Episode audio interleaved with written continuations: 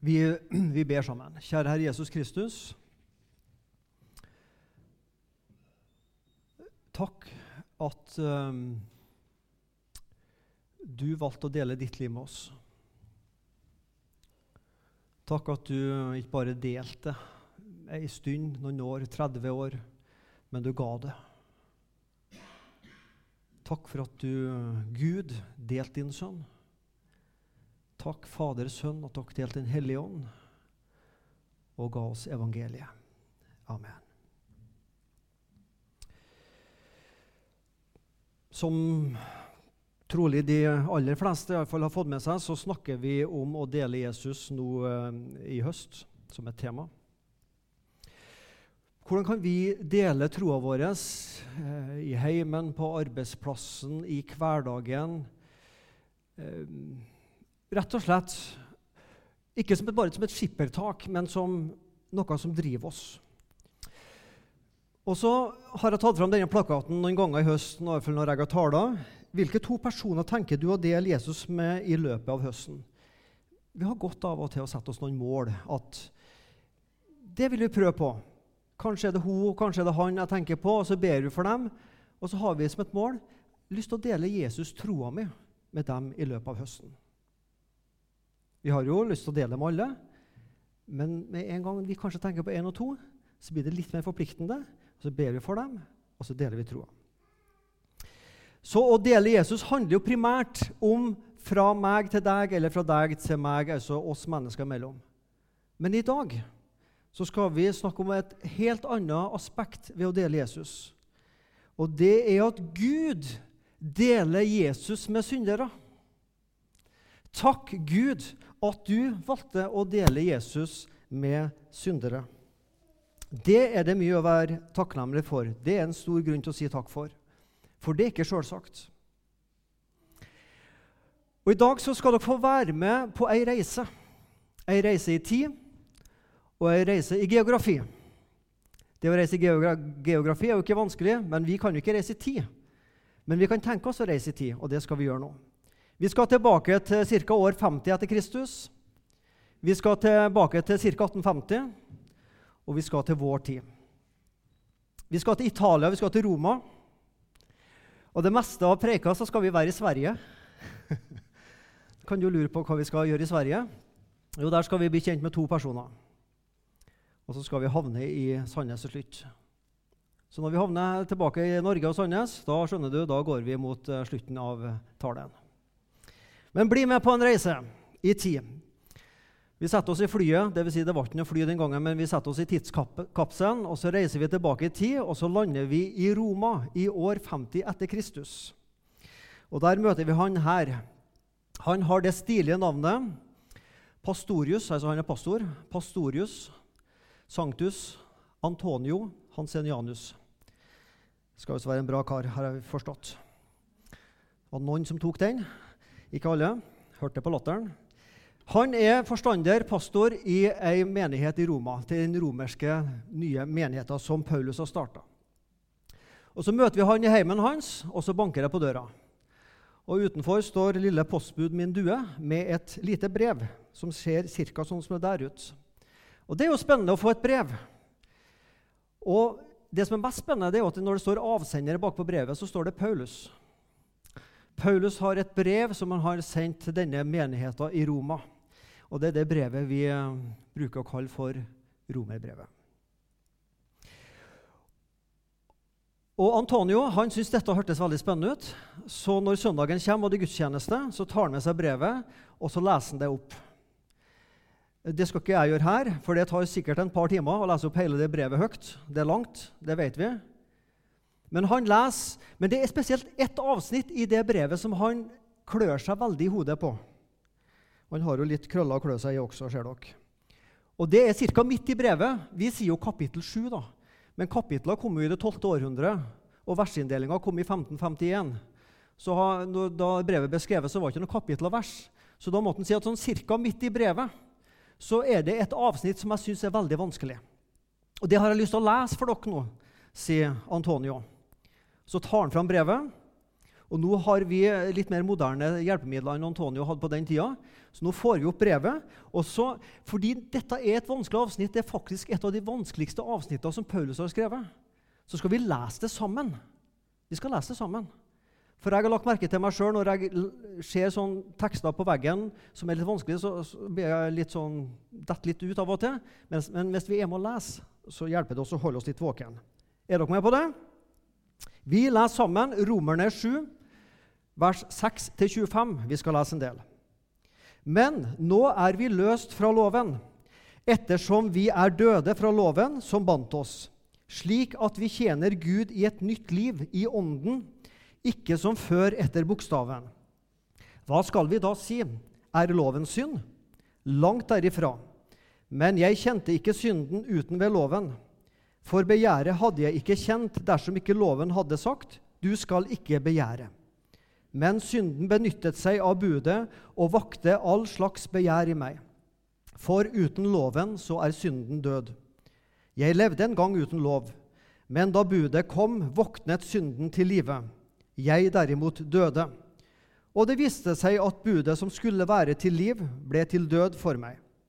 For synden benyttet seg av budet og bedrog meg og drepte meg ved det. Så er da loven hellig, og budet hellig, rettferdig og godt. Har da altså det som er godt, voldt meg døden? Langt derifra. Men synden gjorde det, for at den skulle vise seg som synd, ved at den benyttet det som er godt, til å føre død over meg. Ved budet skulle synden bli overmåte syndig. For vi vet at loven er åndelig. Jeg derimot er kjødelig, solgt til trell under synden. Jeg skjønner ikke det jeg gjør, for det jeg vil, det gjør jeg ikke. Og det jeg hater, det gjør jeg. Men gjør jeg det jeg ikke vil, da gir jeg jo loven rett i at den er god. Så er det ikke lenger jeg som gjør det, men synden som bor i meg. For jeg vet at i meg, det er i mitt kjød, bor det ikke noe godt. For viljen har jeg, men å gjøre det gode, det makter jeg ikke. Det gode som jeg vil, det gjør jeg ikke, men det onde som jeg ikke vil, det gjør jeg. Henger dere med? Ja. Men gjør jeg det jeg ikke vil, da er det ikke lenger jeg som gjør det, men synden som bor i meg. Jeg finner altså at denne loven gjelder for meg. Jeg vil gjøre det gode, men kan ikke annet enn å gjøre det onde. For etter mitt indre menneske slutter jeg meg med glede til Guds lov. Men i lemmene mine merker jeg en annen lov, som strider mot loven i mitt sinn, og som tar meg til fange under syndens lov, som er i mine lemmer. Jeg, elendige menneske, hvem skal fri meg fra dette dødens legeme?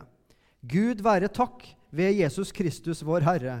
Jeg, som jeg er, tjener da Guds lov med mitt sinn, men syndens lov med mitt kjød. At dette er ikke enkel teologi. Dette er et lite avsnitt i et langt brev, men dette er noe av det tyngste teologiske som Paulus har skrevet. Og Teologer har klødd seg i hodet og diskutert i mange år hvem er det Paulus snakker om. Altså ikke Knut eller Kari, men, men er, det en, er, det Paulus som ikke-kristen, eller er det Paulus som kristen? Er det før han møtte Jesus, eller er det etter han møtte Jesus? Det kan være Paulus før han ble en kristen. Noen tenker det. Noen tenker at Paulus beskriver en kristen, men som er litt sånn lite åndsfylt ennå. Altså, det står litt dårlig til. Jeg tror på ingen av de to. Det jeg tror Paulus beskriver, det er en sann, gjenfødt, bekjennende personlig kristen, for å bruke alle disse uttrykkene. Han snakker om deg og meg som kjenner Jesus, og som kjenner at i mitt indre så er det noe som er, det er kamp, det er strid. Og jeg tar meg i sjøl at det er ting som jeg ikke vil gjøre, men som jeg gjør. Det er ting som jeg ikke vil si, som jeg sier. Og det er ting som jeg vil gjøre, men som jeg ikke gjør. Unnlatelsessynder. Kjenner du deg igjen? Jeg tror Paulus her er veldig realistisk og beskriver en sann kristen slik vi er på innsida. Det gode som jeg vil, det gjør jeg ikke. Men det onde som jeg ikke vil, det gjør jeg. Har du opplevd det noen gang? Ja. Hvorfor er det sånn? Jeg blir så frustrert, jeg blir så forvirra. Det er litt mer moderne ord. De står ikke i Bibelen. Men det er akkurat det Paulus skriver om. Han skriver og beskriver en kristen som er frustrert, som er forvirra. En kristen som kjenner Jesus, som har fått Den hellige ånd, men som opplever at åh, jeg detter uti synda igjen og igjen. Blir det ikke bedre med meg? Det er ikke samsvar, eller det er dette spriket mellom lære og liv. Det jeg vil gjøre, og det jeg ikke gjør. Det jeg ikke vil gjøre, men jeg gjør likevel. Det at jeg vil skjerpe meg, men så detter jeg ut i synda igjen. Vanesyndene, kanskje har du hørt det uttrykket. Blir jeg aldri bedre? Jeg elendige menneske, sier Paulus. Jeg elendige menneske. Hvem av oss tør si det? Hva mener Paulus? Jo, som sagt, jeg tror her beskriver han en kristen. Han beskriver seg sjøl sånn som han kjenner det på innsida. Nå skal vi sette oss i tidskapselen igjen. Så skal vi ut på en reise. Og nå skal vi til Sverige. Nå skal vi oss i, oppholde oss i Sverige i ei god stund framover. Og vi reiser fram til vår tid. Og dere skal få møte en pastor som jeg er glad som her i høst, og som vakte min interesse, og jeg er glad litt mer om. Vi eh, setter oss fly, på flyplassen i Roma, og så reiser vi til Malmö. Malmö er jo kjent for Zlatan Ibrahimovic og Rosengård. Vi har hatt en pastor her fra Malmö før, han eh, Mikael Gjelestrand, sangpastor. Men nå skal vi, dere få møte en annen pastor, en pinsepastor i Malmö, som heter Magnus Persson. Er ikke sikkert du har hørt om han. Du skal få bli litt kjent med han i dag. For det er en god grunn til at jeg tar han fram. Selvfølgelig, siden han er her nå. Magnus Persson han leder en menighet i Malmö som heter United. Ikke Manchester United, men Malmö United. Og Denne menigheten som han leder, um, var på mange måter ei suksessrik menighet. Moderne, ungdommelig, kulturtilpassa, relevant i stil nådd mange mennesker som vi kanskje i vanlig tradisjonelle kirker bedehus ikke når. Gudstjenester som opplevdes fartsfylte og morsomme og nesten var litt show-lignende. Jeg bruker hans egne ord. Samla mye folk. Jeg leser litt fra et intervju, litt svensk. Det ble trendikt i visse grupper i Malmö at gå i United, minst Magnus Persson, når vi treffes etter gudstjenesten. Mange grenser før at markedstilpassa seg, sprengdes, og forsamlingen ble snart kalt for partykirken. Her var det party, høy partyfaktor. altså. Det var en kul plass å være og samles. Vi tenkte at fornyelse handler om å hitte på noen ting som ingen annen hadde gjort innan. Og det gjorde vi. Og de lyktes. Det var framgang, og det var seger, som det heter på svensk. Så skjer det noe i 2008.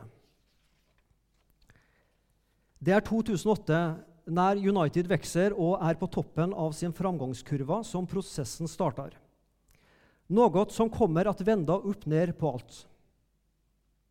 Ved rett tilfelle så sitter Magnus lengst fram ved et av forsamlingens store evenement, evenement arrangement.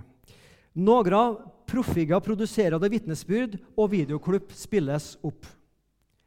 Og så sier Magnus, jeg merker at jeg blir obekvem og illa berørt, da berettelsene har det gemensamme, altså til felles, at de hyller og takker United mer enn Jesus. Når jeg kom til United, United forvandlet meg. Jeg kan ikke leve uten United. Det bare å fortsette, sier Magnus Persson bøyer seg fram og fortsetter beretta med ettertrykk. Jeg skjemdes. Jeg kjente hvor gudsfrykten kom over meg. Flere av vitnesbyrd, og nesten ingen nevner Jesus. Pang! Det var et av flere avgjørende øyeblikk. Medan alle andre jubler og skriker rundt omkring meg, vil jeg bare forsvinne. Plutselig går det opp for Magnus. Hva er det vi driver på med?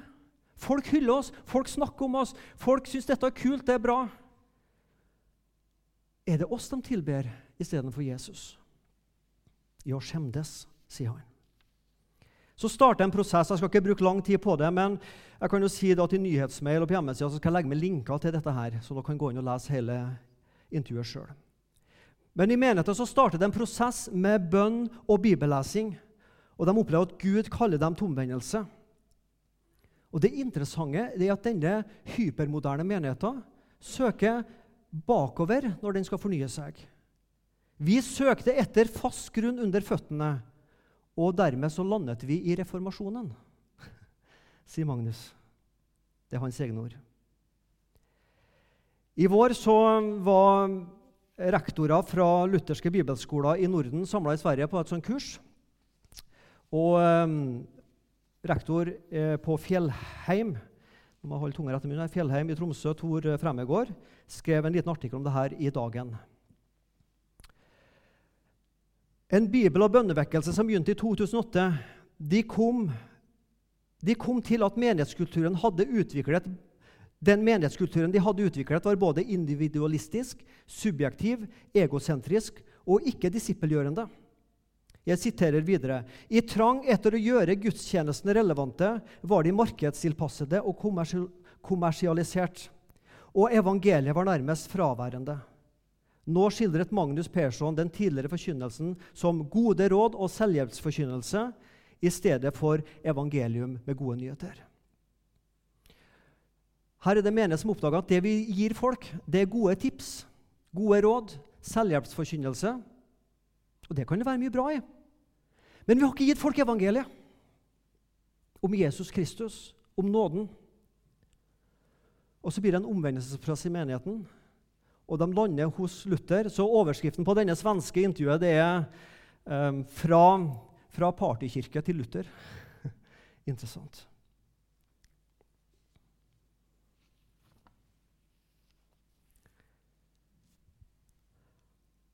Magnus Persson søkte tilbake til reformatorisk lov og evangeliumforkynnelse.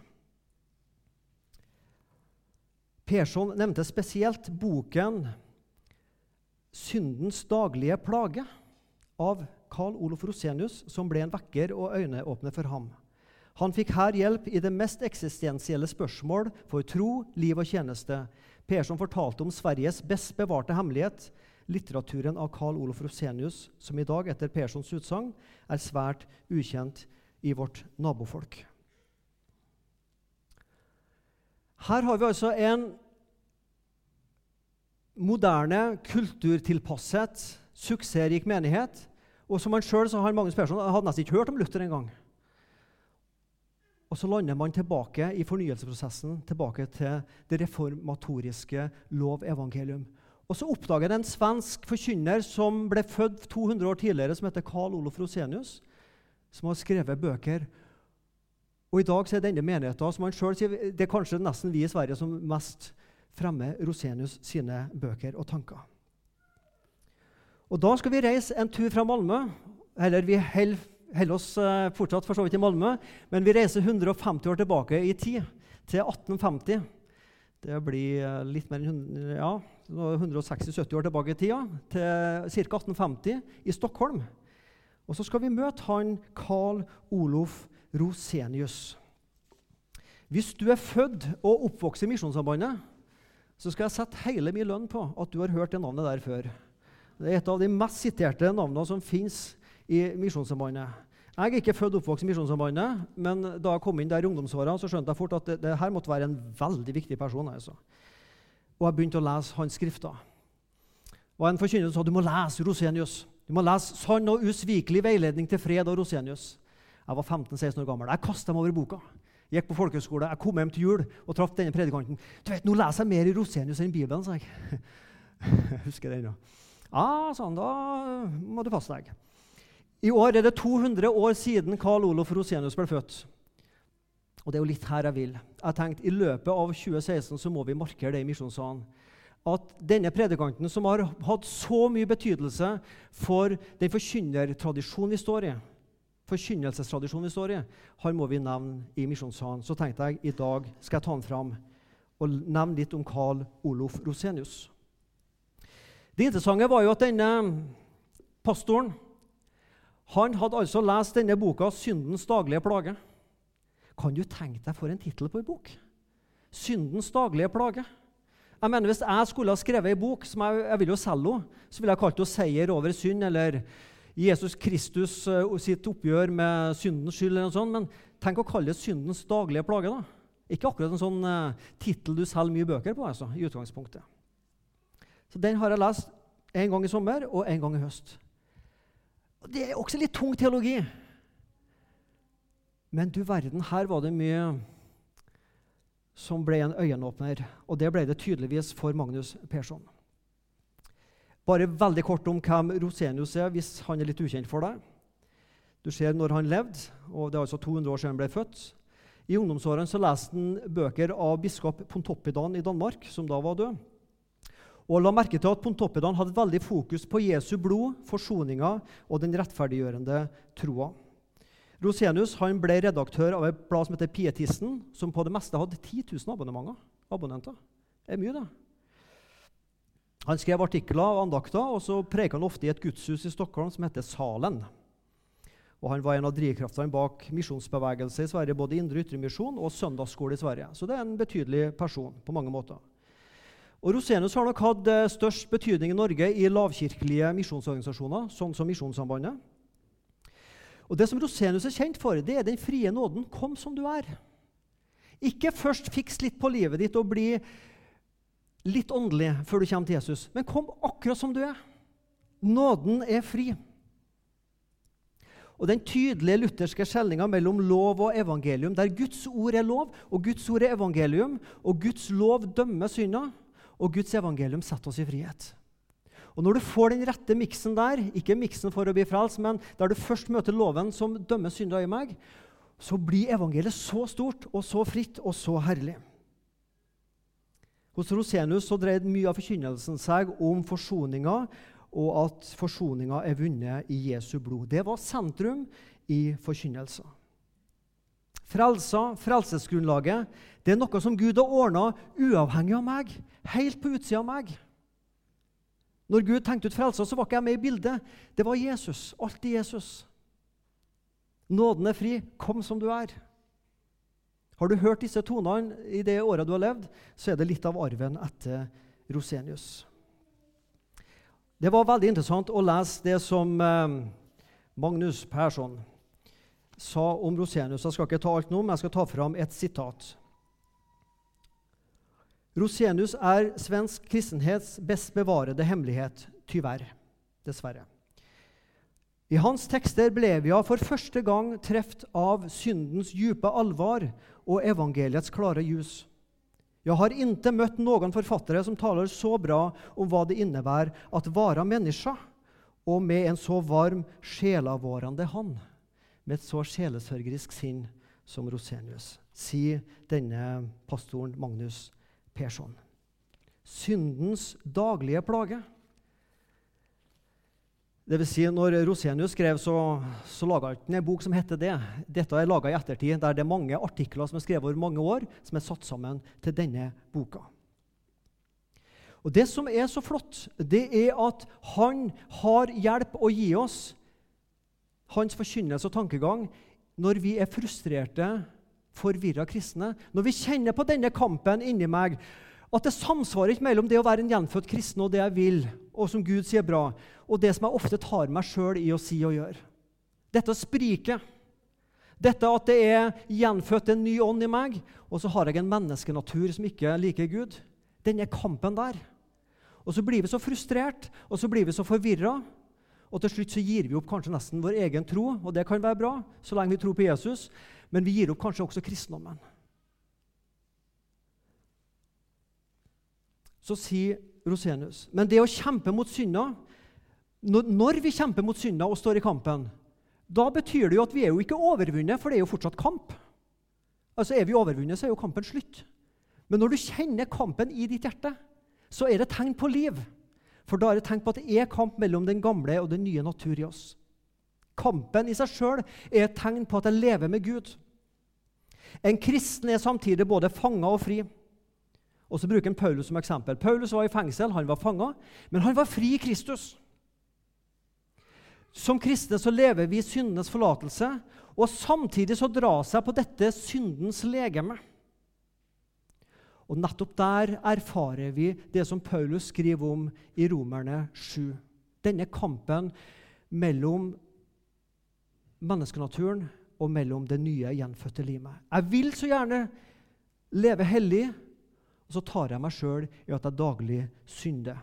Syndens daglige plage. Vi er Guds barn, sier Rosenius, skapt av Gud til å være hans, gjenløst av Guds sønn og født på ny av Guds hellige ånd. Men livet er en vandring gjennom en labyrint av motsigelser. Livet er en vandring gjennom en labyrint av motsigelser. Syns du av og til at kristenlivet ditt går opp og ned? Litt sånn berg-og-dal-bane. Av og til på toppen. Du føler at du kan rekke hendene i været. og og nesten synd ikke det var takluke i bilen, så du kan liksom ta hendene ut og si halleluja når du kjører. For du syns alt er topp. Og så kan det gå to dager, det kan kanskje gå én dag. Det kan være samme dagen. Så kjenner du på syndens daglige plage, og så er alt bunn. Sånn går av og til kristenlivet for oss. Litt i berg-og-dal-bane. Og så er trøsten Det betyr at det er liv. Det betyr at Jesus lever i oss, for da er det kamp. Mist ikke motet om du kjenner det sånn.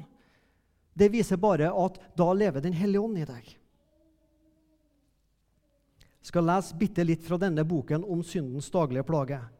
Så kan du kjenne etter om du kjenner deg igjen i det som blir skrevet her. Men hvordan var Kristus i denne verden? Når vi virkelig lærer ham å kjenne, finner vi at de største motsetninger var forenet i ham. Den største fornedrelse og den største opphøyelse. Den største syndeskyld, altså at han bar verdens synd, og den største herlighet, hans egen. Den største vanære og den største ære. Alt dette finner vi i Jesus. Men slik som han var, slik er det også med oss her i denne verden. Også i den troende finnes de største motsetninger. Den største fornedring, det å være en fortapt synder. Og den største opphøyelse, høyhet og ære, det å få være Guds eget barn. Den største syndens elendighet og den største rettferdighet og renhet. Den største fattigdom og den største rikdom. Den største svakhet og den største styrke. Det ene har vi i oss selv, og det andre har vi i Kristus. Det ene er arven fra Adam, og det andre er arven fra Kristus. Når vi kjenner det sånn, så skal vi vite med oss sjøl Det betyr ikke at vi er dårlige kristne, men det betyr at Guds ånd virker i oss. En takk og en halleluja for det Jesus har gjort, men vi kjenner samtidig på syndens daglige plage. Jeg skal ta med et lite avsnitt til der Rosenius skriver om den frie nåden. Men min synd er så stor, sier du. Det finnes ingen unnskyldning for den. Jeg kjente Guds vilje, men handlet tvert imot den. Arme sjel, du er bundet. Du er jo ikke fri, du er jo solgt til synden, som det står i Romerne 7. Adam derimot var fri, men han syndet likevel. Han kjente Guds vilje, men han gjorde imot den. Likevel ga Gud seg til å lete etter sitt falne barn. Når Gud kom altså på fallets dag i hagen, så var det et evangelium. Gud leter etter sitt falne barn. Men jeg har ikke noen virkelig anger over synden, sier du. Ikke kan jeg be slik jeg burde. Ja, hvordan var det med Adam og Eva i fallet? De unnskyldte sin synd og ba ikke med et eneste ord om tilgivelse. Likevel kom Gud i sin barmhjertighet og bød dem nåde og forsoning. Guds kjærlighet er altså helt og holdent fri og ufortjent, og uavhengig av synderen. Den er grunnlagt på en annens fortjeneste og bønn, og denne andre er Guds lam som bar verdens synder. Den som ikke tror på ham, ikke kommer når han kaller, ikke tar imot forsoningen, han er borte fra Gud og blir borte for alltid. Men den som tror på ham, den som kommer når han kaller, den som lar seg overbevise om sin synd og finner trøst i det Jesus har gjort, han skal ikke gå fortapt, men ha evig liv. Er ikke det bra? Det er noe vi skulle ha. Halleluja! er ikke det bra? Så lenge vi vil komme, så lenge vi sier 'Jesus, ta imot meg som jeg er', så blir vi tatt imot. Selv om vi ikke klarer å be som vi skulle, selv om vi ikke klarer å bekjenne som vi skulle. Selv om vi ikke ser alle syndene som vi burde. Vi kommer som vi er. Ja, Hvordan skulle jeg ellers ha kommet? Jeg kan skjerpe meg og prøve å skjerpe meg en par år og bli litt bedre. Jeg tror det skal gå for meg også. Er det bedre å komme til Gud da? Kom som du er, Akkurat der du er, akkurat med den synda du har. Det var det denne pinsepastoren i Malmö oppdaga, at her var det noen skjulte skatter som vi i vår menighet ikke hadde sett klart nok, og som han fant hos denne forkynneren som levde 150 år, 200 år, 160-70 år tidligere.